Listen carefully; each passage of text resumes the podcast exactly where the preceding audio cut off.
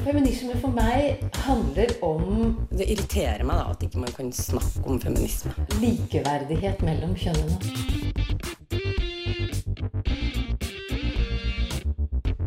Det blikket på kvinnen på film. handlet det om å bli tatt på alvor som jente. Du hører på Et eget rom på Radio Nova. Er overrepresentert i selvmordsstatistikkene. I Norge og i den vestlige verden. Men hva er det med disse tilsynelatende velfungerende mennene som noen ganger plutselig tar livet av seg?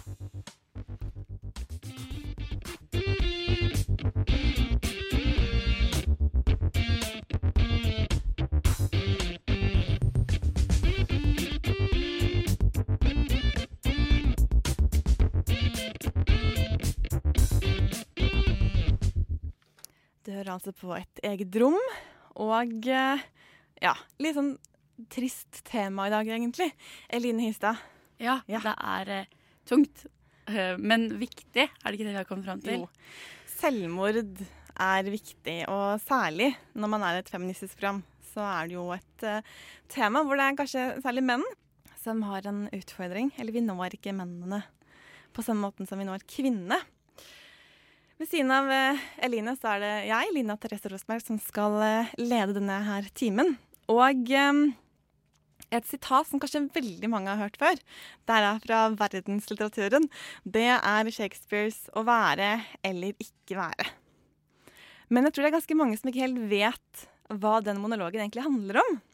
Fordi Hamlet han er jo en av disse unge mennene som vurderer å ta selvmord, og som har alle disse vonde tankene som han går og bærer på. Et, eh, kanskje det beste eksempelet jeg kom på, faktisk. Det var en Eh, nydelig bruk av litteratur. du syns Ja, det? fint. Ja. Ja. Hvorfor er det så veldig mange menn? Vi skal høre et lite klipp fra Fredrik Valby, som eh, forsker på dette med forebygging, annet når det gjelder ikke bare menn, men selvmord litt sånn generelt. Men hvorfor er det så mange menn? Eh, Det, det er et veldig sånn kjent funn, eh, og det er sånn i hele, i hvert fall hele den vestlige verden, så er det helt konsistent sånn at menn tar livet sitt eh, omtrent tre ganger så, så, tre ganger så mange menn som kvinner. Forsøkene på å forklare det derimot er kanskje ikke like krystallklare, men det har nok noe med både hvordan folk klarer å håndtere sine problemer. At kvinner kanskje både klarer å romme mer vanskelige følelser, og ikke minst bruke nettverket sitt, bruke andre, snakke om det og få avlastning og hjelp på den måten. Og så er det jo også en kjensgjerning at kvinner bruker mye mer helsetjenester for denne type problemer. Så de får kanskje også mer hjelp, søker mer hjelp, får mer, hjelp. I tillegg så er det jo også sånn at eh, det er langt flere selvmordsforsøk og mye mye mer selvskading hos kvinner enn hos menn. Så der er det liksom snudd motsatt. Det som er helt klart, er at menn bruker mer alvorlige og farlige metoder når de skader seg, og at du også får en økt dødelighet av den grunn. Det fortalte spesialpsykolog og forsker Fredrik Valby fra Nasjonalt senter for selvmordsforsking og forebygging, som vi skal høre mer fra senere denne timen. Som en litt sånn jeg vet ikke om det er en myk start, men det er en start i hvert fall. Så har jeg eh, funnet frem noen tall om dette med selvmord og selvmordsstatistikk. Selvmord er blant de tre hyppigste dødsårsakene i verden i aldersgruppen 15 til 44 år.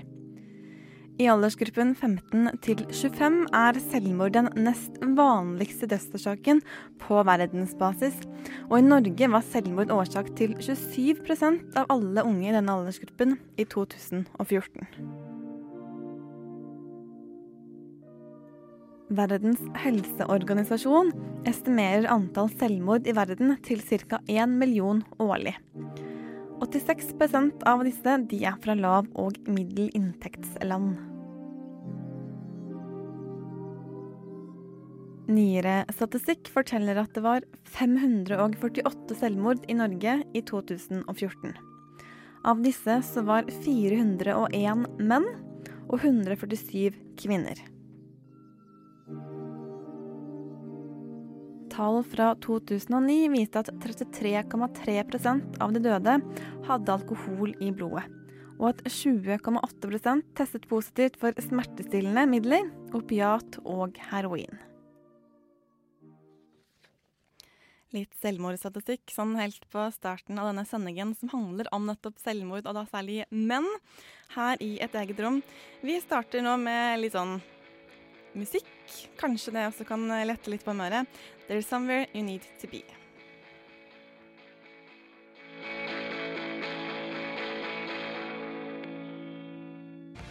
Poem hører du her. For to år siden ble det laget en film der fire unge mennesker forteller om at de selv har forsøkt å ta sitt eget liv. Og vi har fått lov til å sende et klipp fra denne filmen. Det fins mentale tilstander som er utrolig ekstreme. Og tilstander der du ikke velger selv, men det er noen krefter i deg som velger for deg. Det var ikke en morgen jeg våknet og var liksom sånn Nå har jeg bestemt meg. Det var det ikke. Det var egentlig bare den At jeg lekte litt med tanken. Og så ble det mer og mer trygghet i den tanken. Ingen, ingen hadde gjort meg noen ting. Jeg følte meg rett og slett bare mislykka. Så du er liksom I midten her så blir du pressa av jobbpress, og du har økonomi, og du har kjæreste, og du har kanskje lav selvfølelse. alt sånt. Hvis du tar vekk én, så det fortsatt, blir du fortsatt hengt fast. Det er det som er så skummelt, for det var trygghet i det. Det var på en måte en trygghet i å tenke at det er en mulighet til å avslutte livet.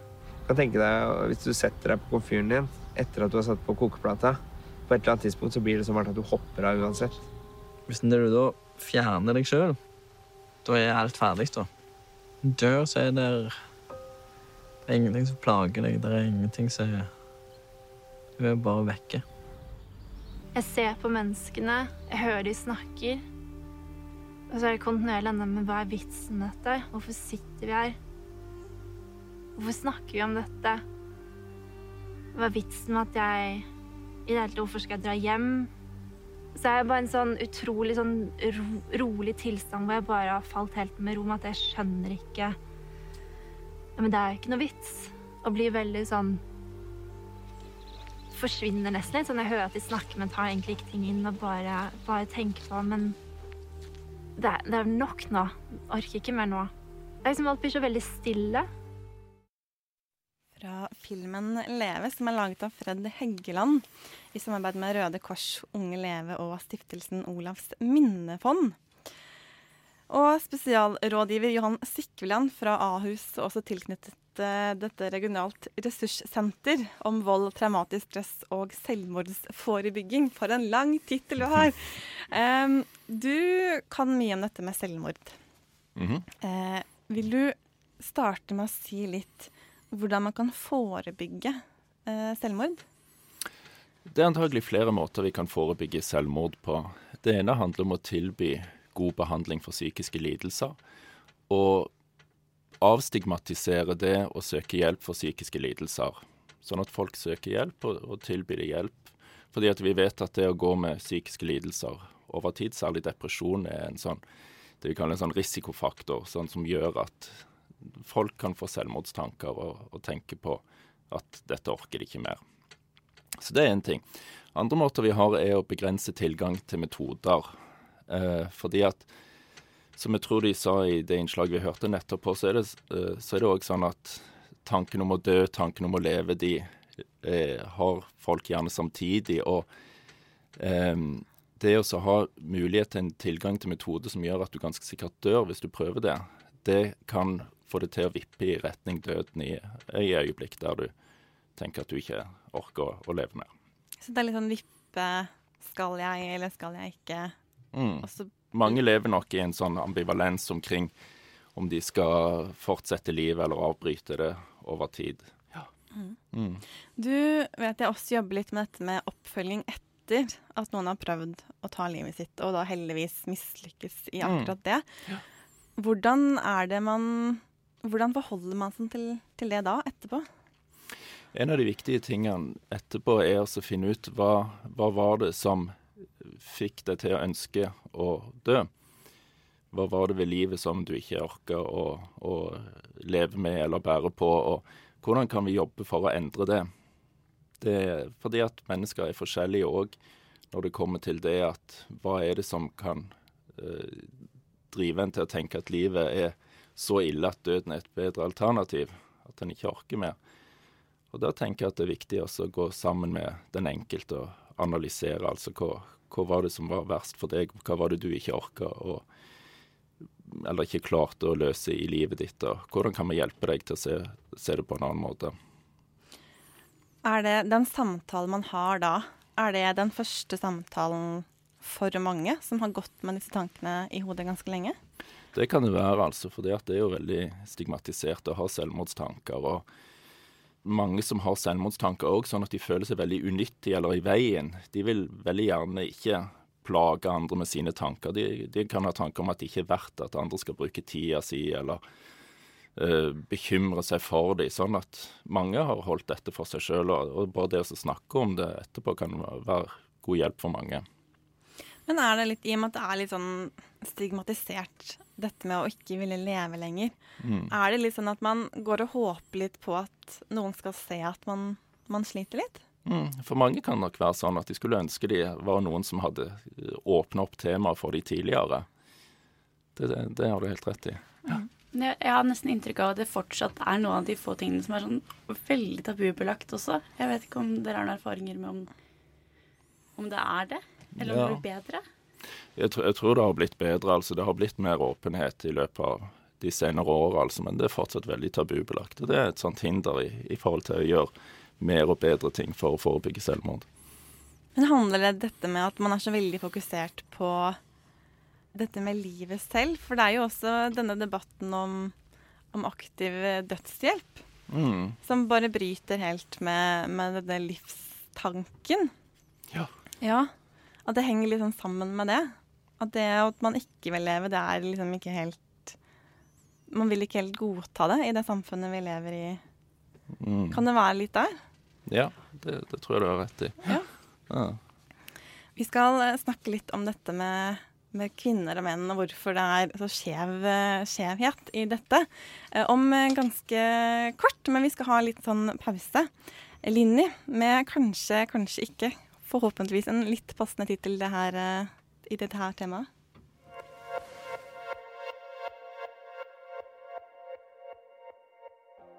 Kanskje, kanskje ikke med Linni, hører du her på Radio Nova. Og vi har besøk av spesialrådgiver Johan Sikveland fra Ahus og Regionalt ressurssenter om vold, traumatisk stress og selvmordsforebygging.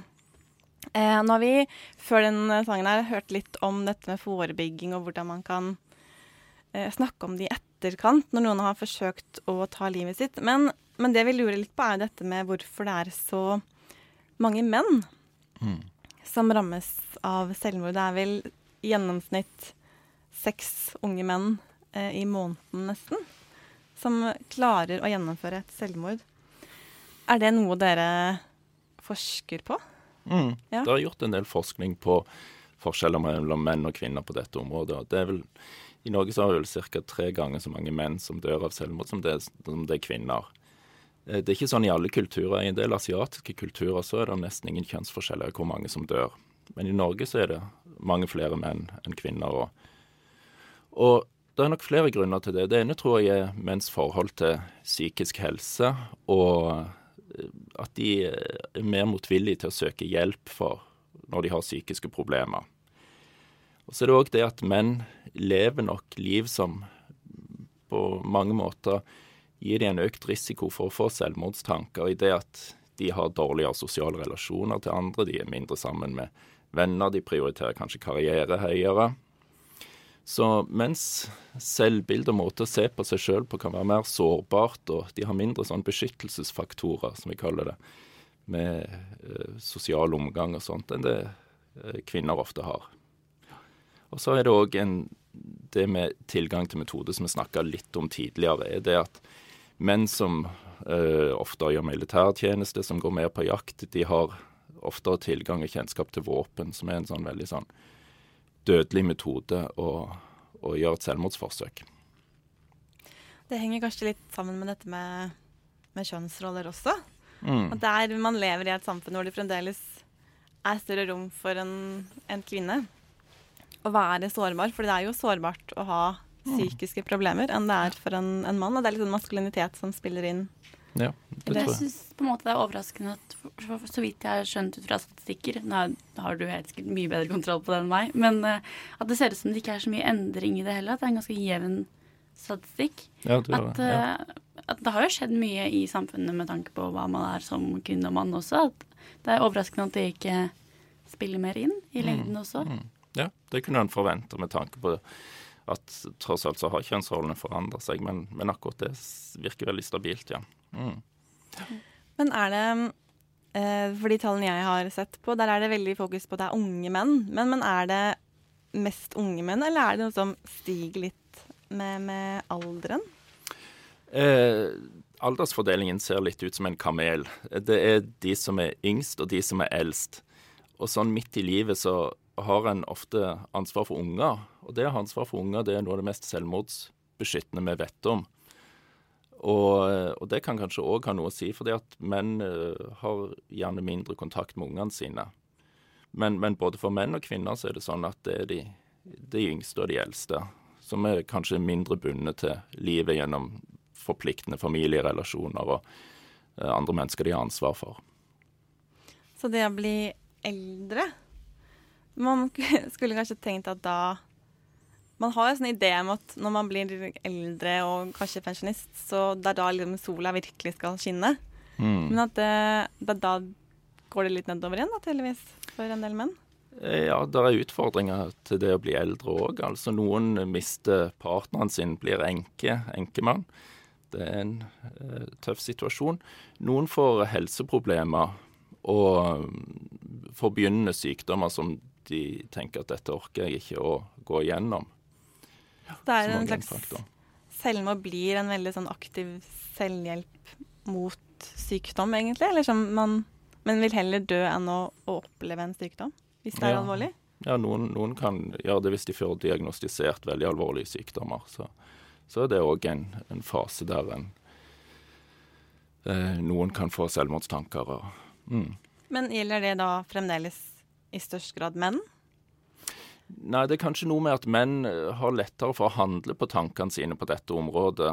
Vi snakker litt om at, det, at de er kanskje mer eh, vant til våpen og omgås våpen og sånt, sånn at det synes som at det er noe ved menn som, som der, er, der det er en kortere vei fra selvmordstanker til handlingen og, og fullføre et, et selvmord enn det det er hos kvinner. Hvis man tenker på sånn det som jeg har opplevd gjennom skolegang og sånn, hvis man tenker på de unge mennene som også har en topp, Mm. så er det jo eh, ganske lite som er retta mot menn. En helsesøster, som kanskje er det mest sånn kort, den korteste veien til når man går gjennom skole, det er jo ekstremt sånn feminisert. Ikke bare at det heter helsesøster, men du forbinder jo liksom det med p-piller og det, liksom. Og det er jo ikke så overraskende, da. At det er veldig lite sånn tilbud som er kort vei til, kanskje. Ja, ja det å finne et, et helsetilbud for psykiske helseproblemer som venn vil benytte seg av. og sånt, Det tenker jeg er en kjempeviktig utfordring for feltet vårt for å kunne forebygge flere selvmord. Og, og hjelpe menn til å forbedre psykisk helse generelt. Men dette med at kvinner har lettere for å be om hjelp, eller se etter hjelp, Mm. hvordan er det da å For du har jo tilknytning til dette ressurssenteret. Mm. Så eh, hvordan kan man da jobbe som en sånn type ressurssenter ut for å nå menn spesifikt? Og si at vi er her og kan hjelpe også deg?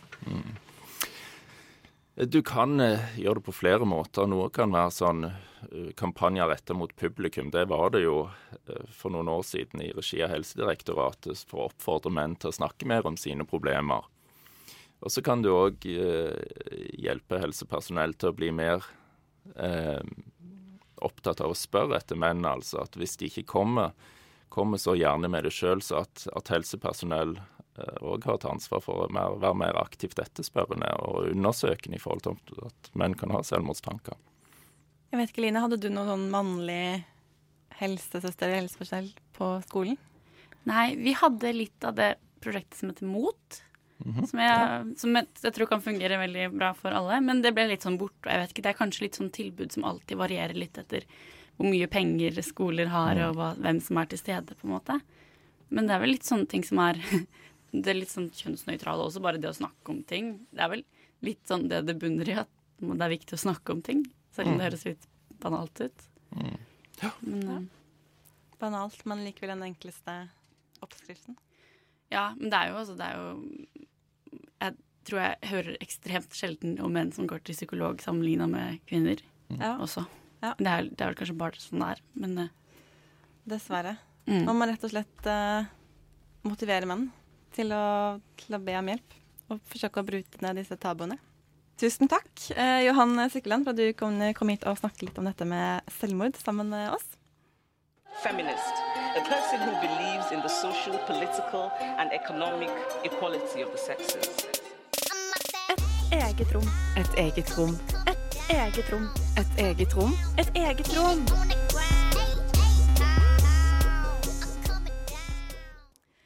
Einar Gyllem hørte det her på Radio Nøva. Du hører på Et eget rom, og det er Eline og Linda som snakker. Og dagens tema, hvis du nettopp har skrudd på radioen, det er altså selvmord og menn. Og eh, Mette Lyberg Rasmussen fra Folkehelseinstituttet hun har forsket mye på dette med, med selvmord. Og unge menn Og unge menn, ja. Mm. Og det som er så interessant ved hennes forskning, eller hun har ikke gjort den alene, men, men hun og noen andre de har intervjuet pårørende etter at menn har tatt selvmord. Og da får man jo litt annet blikk, fordi har, de har særlig snakket med pårørende til menn som ikke hadde en, en kjent psykisk eh, ja, sykdomshistorie. Så det var litt sånn rett ut av det blå, så var det noen som tok livet sitt. Um, og det de klarer å Eller det de har funnet ut da, ved å intervjue disse menneskene som foreldre, venner, søsken, uh, og ved å se på sånne avskjedsbrev, det er at det er, det er veldig mange sånne følelser og tanker om skam og verdiløshet og ensomhet. Uh, og det er vel Det er så å tenke at det, det gjelder jo alle de som tar selvmord. Og da får man lyst til å liksom bare si til menn Oppsøk hjelp, da, for søren.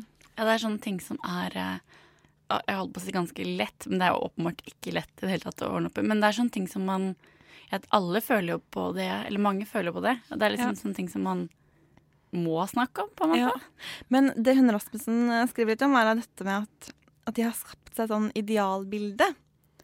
Eh, og så havner de til slutt i et Eller de, de kommer til et punkt hvor det å si at nå har jeg gjort et forsøk, og det gikk ikke, nå må jeg bare endre kurs litt, det er ikke et alternativ, fordi det er det jo for de fleste.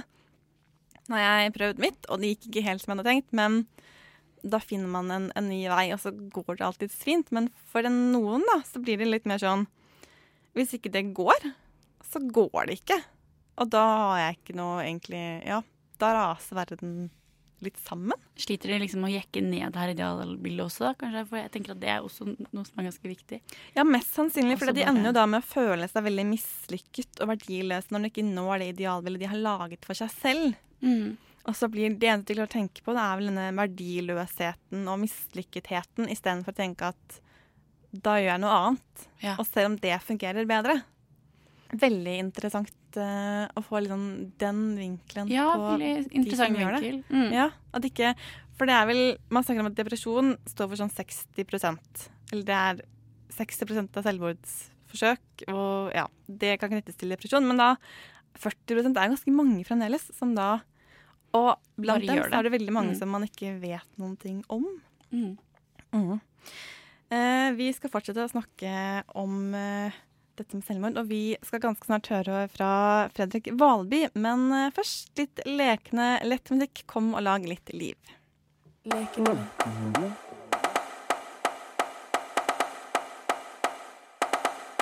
Lekende lett hører du her. Det er altså bandnavnet med låta 'Kom og lag litt liv'.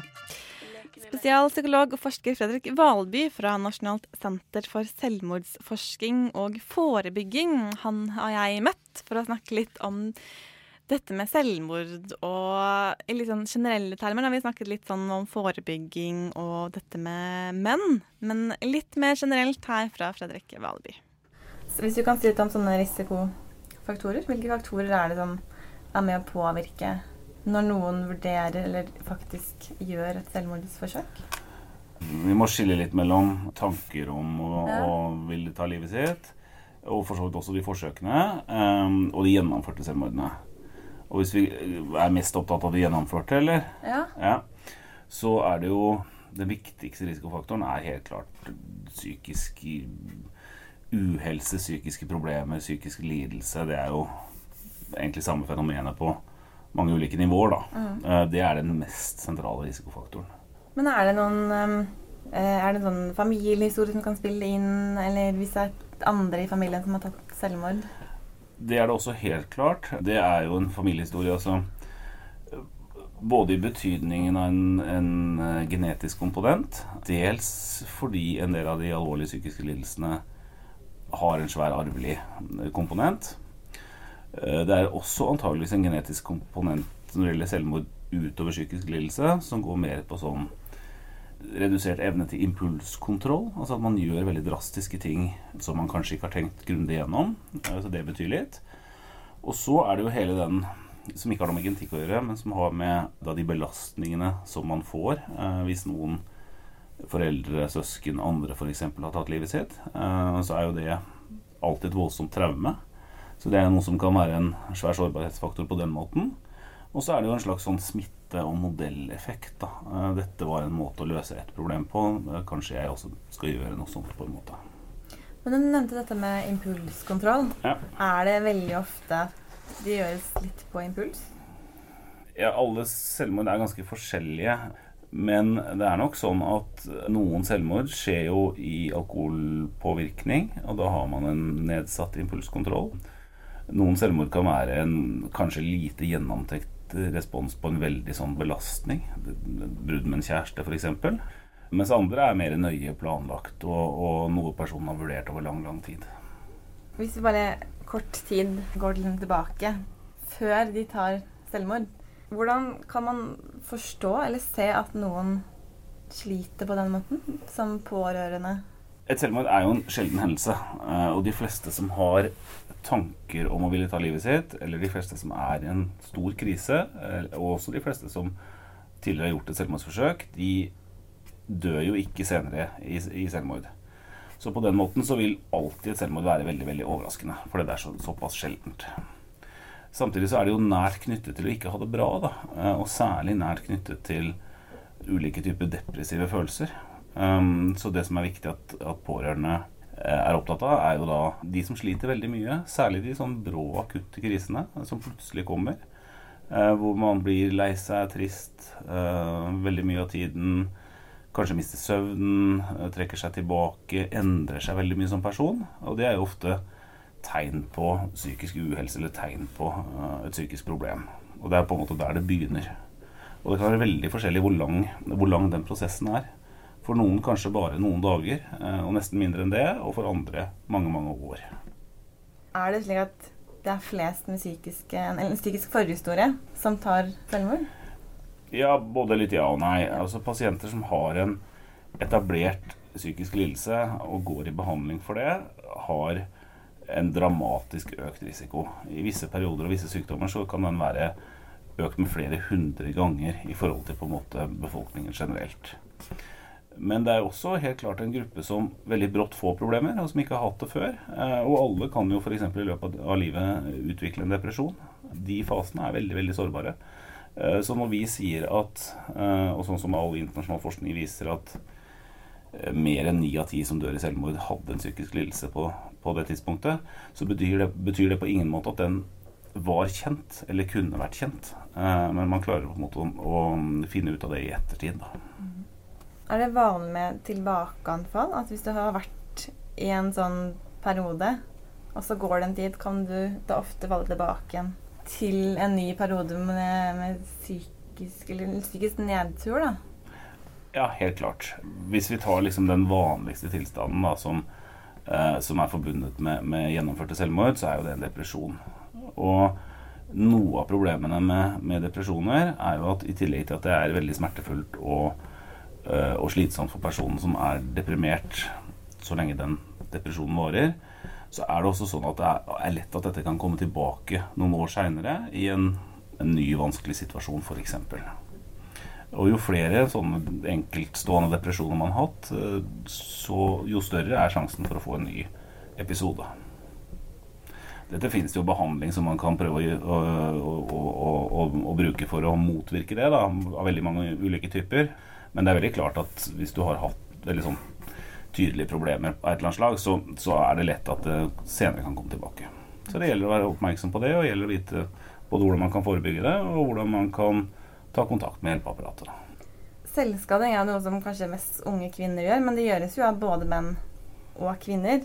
Og det er jo å skade seg selv uten hensikt om å dø av den skaden. Men, men har det noen sammenheng eller relasjon til et senere selvmord?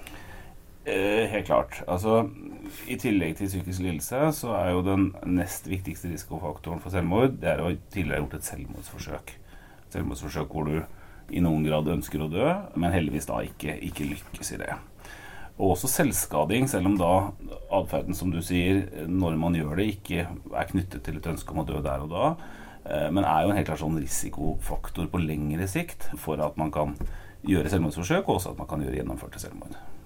I tillegg så er jo selvskading er jo på en måte Grunnen til at de fleste selvskader er jo at det hjelper der og da. Og det gjør det nok. Eh, og det forteller jo pasientene våre også veldig tydelig. Men det er ikke noe særlig nyttig strategi på lang sikt. Sånn at hvis du da driver med, mange, med det over, over, lang tid, så, så, er jo det et signal både på at du har problemer og at du ikke har det bra. Um, og så gjør det også at du eh, ikke så lett finner andre måter å håndtere problemene på. Dere har jo helt sikkert vært i snakk med veldig mange som har vært tenkt disse tankene og har prøvd å ta selvmord.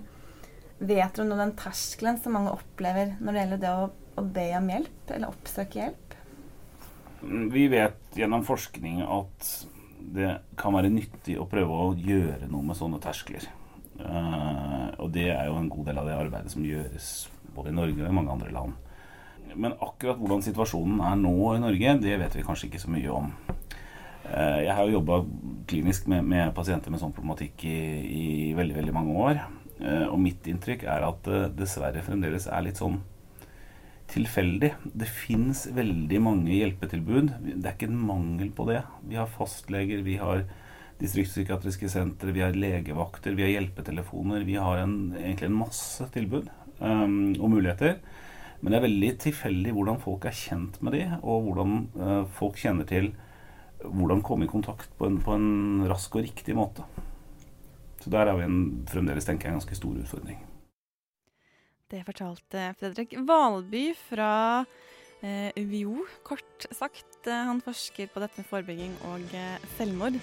Vi har funnet litt sånn musikk fra, eh, fra Englands sørkyst. Hit like the morning.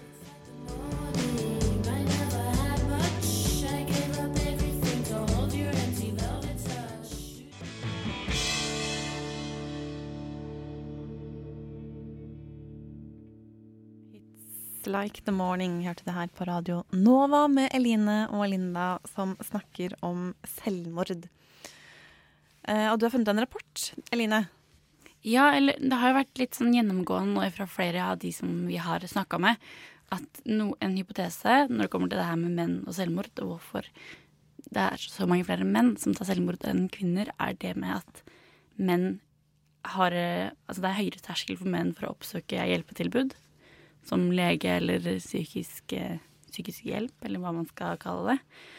Eh, jeg fant ut at Reform, det her ressurssenteret for mannsforsking, de har kommet med en rapport i 2016 som heter 'Å være mann og håndtere sykdom eh, en utfordring'. Den fokuserer nok litt mer på sånne kroniske fysiske sykdommer, men jeg tror det kan være noe i den som er liksom gjeldende her også. Eh, hvor de ser på hvordan man bedre kan skape Eller gjøre den terskelen lavere, da. Skape sånne lærings- eller mestringstilbud for menn for å lettere oppsøke hjelp. Og da har de funnet ut, når de har forsket på det her, at eh, forpliktelser til arbeid ofte er en grunn til at menn ikke oppsøker hjelp. At det er også det her med arbeidsidentitet. At det, det du jobber med, i stor grad er den du er, så du vil liksom holde deg til det. Du har ikke lyst til å være sykemeldt eller borte eller Men der er det kanskje en, en, sånn sirkel, at hvis det er et eller annet på arbeidet som, som gjør at du ikke Eller du føler at du ikke får det til godt nok. At det blir en sånn Du kan ikke bli borte fordi det er det du er, men samtidig så er det med å, å gjøre at du kanskje føler deg dårlig, da. Ja, ja det, Hvis det henger sammen, så blir det Ja. en veldig ond sirkel. tenker jeg. Ja. Også det her med autonomi, det tror jeg også er veldig sentralt i det her tilfellet som vi snakker om nå. At det er feil å ta imot hjelp. Du vil klare det selv, da. Ja. Ikke ha noen andre sitt innspill på det. Ja, jeg, jeg, jeg tror at det henger litt sammen med at man, man håper litt på at man skal se at man trenger hjelp. Man vil ikke si de ordene selv. Ja, ja, det er nok litt det. Fordi når de har sett i andre retningen hva som pusher mot at man eh, oppsøker hjelp, så er det pårørende og bekymring som er liksom nøkkelordet. Det er det som gjør at flere eh, får hjelp, da. Så de har liksom konkludert med at mange menn oppsøker hjelp for seint. At de liksom oppsøker når det er skikkelig alvorlige. Eh, og at mange menn underkommuniserer og bagatelliserer helseplagene sine. Og også at tradisjonelle mannsidealer påvirker til at sykdom anses som uttrykk for personlig svakhet.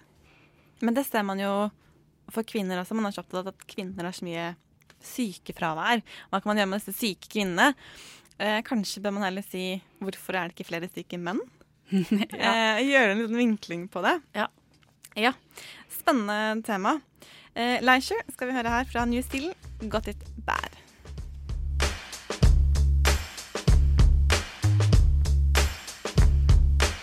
Litt eh, sofistikerte 60-tallsvibber her med Leisure. Klokka er iallfall ti, og det betyr et eget rom. Du hører på Et eget rom. Ja, klokken er ett minutt over ti, og du hører på et eget rom her på Radio Nova. God mandagsmorgen. Du hører på Radio Novas feministiske radioprogram. Eh, du hører på Radio Nova. Eh, et eget rom Det gjør du. Både et eget rom og Radio Nova. Det er helt riktig. Men hvis du ikke har sett på klokka på en stund, så er det ikke ti. Det her var med for å fortelle at nå er vi straks ferdig med vår lille sending. Eh, Du har hørt Eline Hystad og Lina Therese Rosenberg. Eh, Og neste uke da skal vi over på et litt morsommere tema igjen. Ja, Eller drag queens Ja, uke. Litt lystigere. Ja, det er mest lystighet knytta til det, tror jeg. Har jeg Ja. inntrykk av. Spennende. Jeg kan skikkelig lite om det. Ja. Og jeg er spent på hvor stort det norske miljøet egentlig er. Ja, det lurer jeg veldig mye på. Kanskje vi må til USA for å finne ut noe om det her. Tidlig i sendingen så fikk du et klipp fra filmen Leve, og vil du se mer om den, så kan du klikke deg inn på vår Facebook-side. Der finner du også podkasten vår eh, hvis du vil høre mer fra denne sendingen. Og så høres vi om en ukes tid. Her er Old School Melody.